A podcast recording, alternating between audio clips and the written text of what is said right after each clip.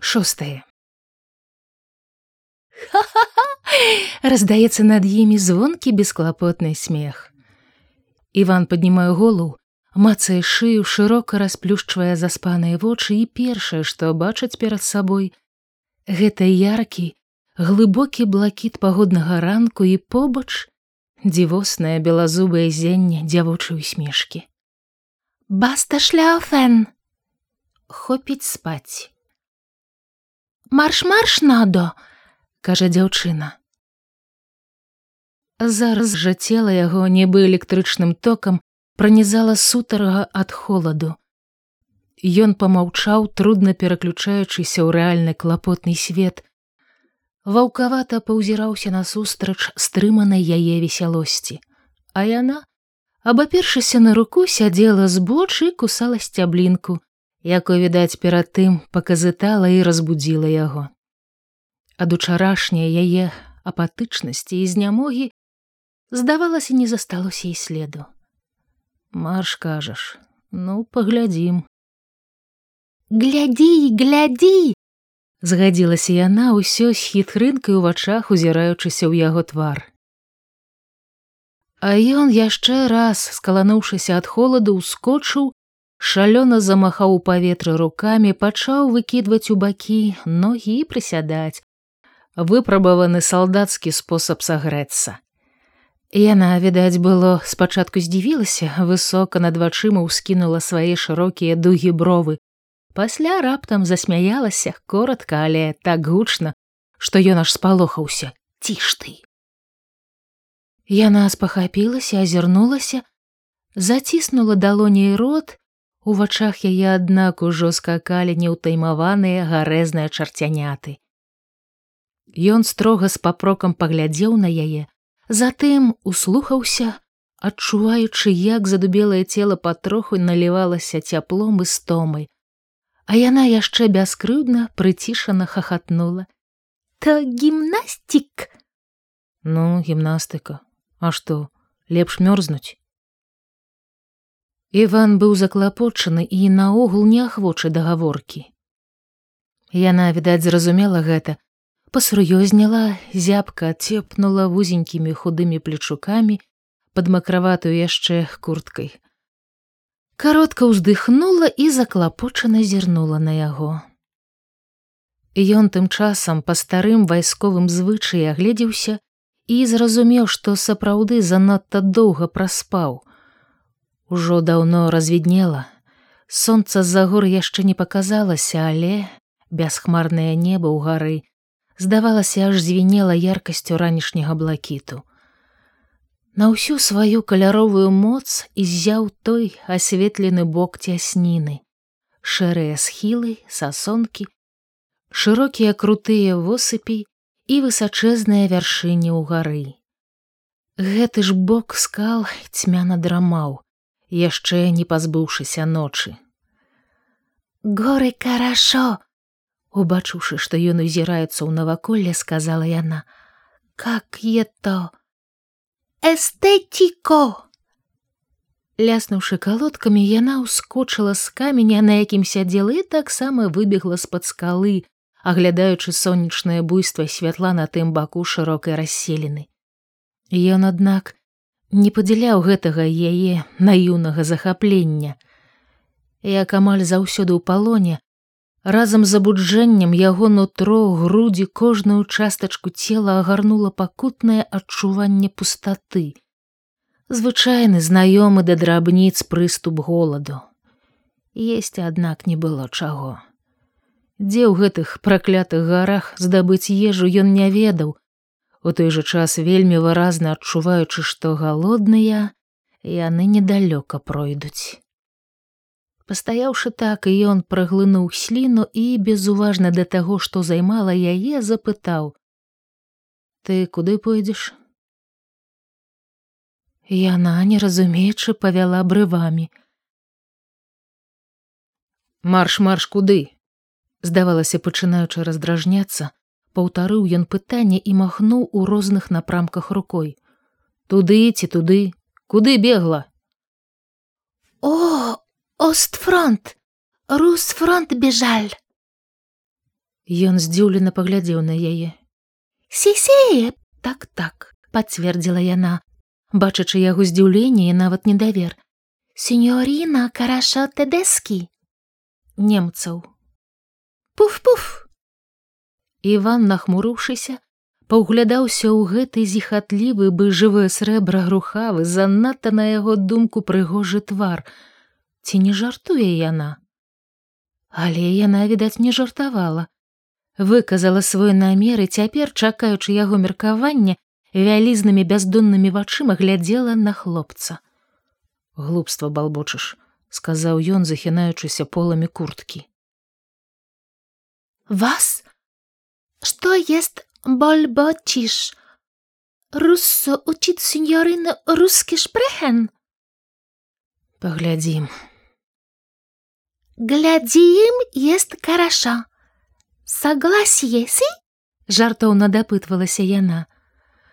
Але ён не адказаў на гэта. І он зноў зябка скалануўся, адчуўшы на спіне халаднаватую вільготнасць курткі, зірнуў на недарэчныя кругі мішэні на грудях. Сапраўды трэба было яшчэ паклапаціцца і пра вопратку. У гэтым паласатым убранні не дужа разыдзешся. І ён, падчапіўшы пальцамі шво, з трэскам ададраў з курткі вінкель і нумар. Яна па ягоным прыкладзе зараз жа ўзялася здзіраць свае, але пазногці яе тонкіх пальцаў былі вельмі далікатныя, а ніткі нямецкая прышыўкі занадта моцныя, каб лёгка паддацца. Тады яна ступіла да яго і трошкі па-дзіцяча адтапырыўшы ніжнюю таўставатую губу, варухнула плячом: Дай! Не дай она, сказаў ён і марудліва павярнуўся да яе. Вострыя настырчаныя бугаркі пад яе воглаю курткай, аднак прымусілі яго нахмурыцца і сцяць вусны. Яна тут жа заўважыўшы гэта, згрэбла на грудях складку і адцягнула яе ад цела. Пасля кароткага вагання ён узяў ражок вінкеля і дужа рвануў. Каб не пакідаць следу, скамечыў усё разам і сунуў у шчыліну пад камень. Грацые, спасибо. Ты ідзе рускай мове вучылася? запытаў ён. Италия, Рома учил. Лагерь русская сеньорина Маруся учил. Хорошо русско шпрехен я? Хорошо, неохотно сгодился ён. Понимал очень лучше хорошо. Здавалася яму жартоўна ад таго, што яе вочы заўжды смяяліся, пахвалілася яна. Ён, аднак думаў пра іншае. У трыезд пойдзем, ведаеш дзе трыезд о трыеста італія жыва азвалася яна ведаю што італія а дзе ён у якім баку? У тым ці ў тым яна азірнула ў адзін бок у другі і упэўнена махнула рукой туды адкуль узнімалася над гарамі яшчэ нябачнае сонца туда дарога трыестая дарога нявесела падумаў ён нішто сабе была дарога цераз горны масіў альпаў праз цясніны і рэкі а галоўныя праз густа населеныя даліны і ажыўленыя аўтастрады. Няблізкі свет гэты партызанскі трыезд пра які ён нямала начуўся ў лагеры. Але выбар у іх быў небагаты. І калі пашчаслівіла ўжо вырвацца з пекла дык недарэчна было б цяпер даць павесіць сябе под барабанны бой на чорнай удаўцы. Таму трэба ісці лезці бегчы. Не раскісаць, сабраць у сабе ўсе сілы увесь спрыт усе здольнасці перайсці галоўны хрыбет, знайсці партызан югаслаўскіх італьянскіх, толькі б стаць у строй, узяць зброю. У тым цяпер была яго мара, высокая справядлівасць ягонага лёсу і ўзнагарода за ўсе пакуты і ганьбу, якія перажыў ён за год палону. У сырой змрочнай цясненне было зябка. Закалелае за ноч цела даймалі дрыжыкі. Хацелася хутчэй да цяпла на сонца. Знайшоўшы больш-менш здатнае месца на адхоне, Яны палезлі між камянёў у гору. Упершыню з часу іхняга спаткання наперадзе лезла яна. Ён крыху адстаўшы, карабкаўся следам, і гэта было падобна на згоду, першы суладны давер між імі. Схіл тут быў даволі круты, калодкі слізгалі і падалі з яе ног. На сярэдзіне схілу дзяўчына зняла іх, узяла адной рукой і, хапаючыся другой за калючыя, цвёрдае, як дрот хамлакі нейкай травы, вёртка нібы яшчарка сігала з каменя на камень. Руссо, Не спыняючыся, сказала яна: — ты есть офицер? Ніякі я не офіцер, палонны. Палённи, палённи, я понимал. Кто до война биль? Ён памарудзіў з адказам. Тое, што яна пачала дапытваць, хлопцу не спадабалася, і ён ваўкавата сказаў: « Калгаснік. Что такое кольгасник? Не разумееш, апытайся. Неласкава папракнуў ён. Ну, быццам бауэр. Парштей? А, понимал. Ляндвиртшафт? Сельская гаспадарка. Во-во. Колхоз. О, я очень люблю колхоз. Раптам ажыўлена загаманіла яна. Колхоз хорошо. Лавораре. Працаваць. Компания. Отдых, компания. Тут то. Усё. Компания. Хорошо, компания. Руссо колхоз. Хорошо экономико. Правильно я понимал? Запытала яна і азірнулася. Ён не паспеў адказаць. Зрушаныя яе нагамі ўніз пакаціліся камяні, зямля, розная драбнота, ён ледзьве паспеў адхінуцца ў бок. Яна ў гары засмяялася і бокам прыпала да схілу. Іван са злосцю шыкнуў: «Ціш ты. Яна зноў спахапілася, зацяла рукою рот і азірнулася. Пардон. Пардон, пардон, ціха трэба, чаго рагочаш. Яе безразважнасць злавала хлопца. Мусіць, ён сказаў тое занадта груба. Яна стрыкнула брывамі і падцяла вусны. Мой імя есть Джулія, сеньорина Джулія, аб'явіла яна.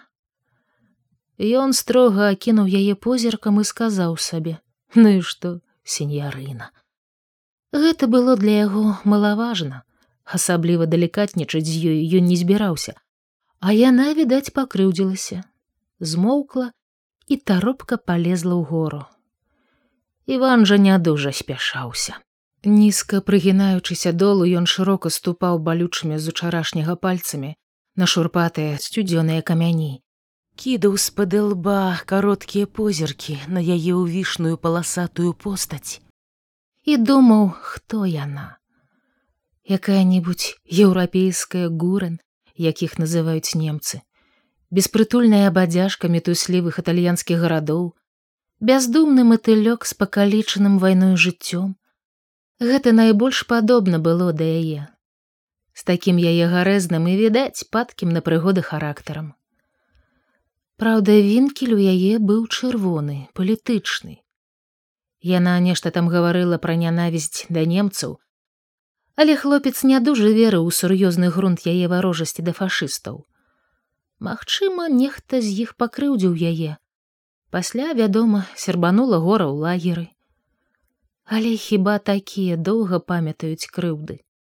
Праўда, ён амаль не ведаў яе, хоць ужо некалькі разоў паспеў пераканацца, якая яна несур'ёзна бяздумная шмат у чым з таго, ад чаго залежаў лёс іхніх уцёкаў.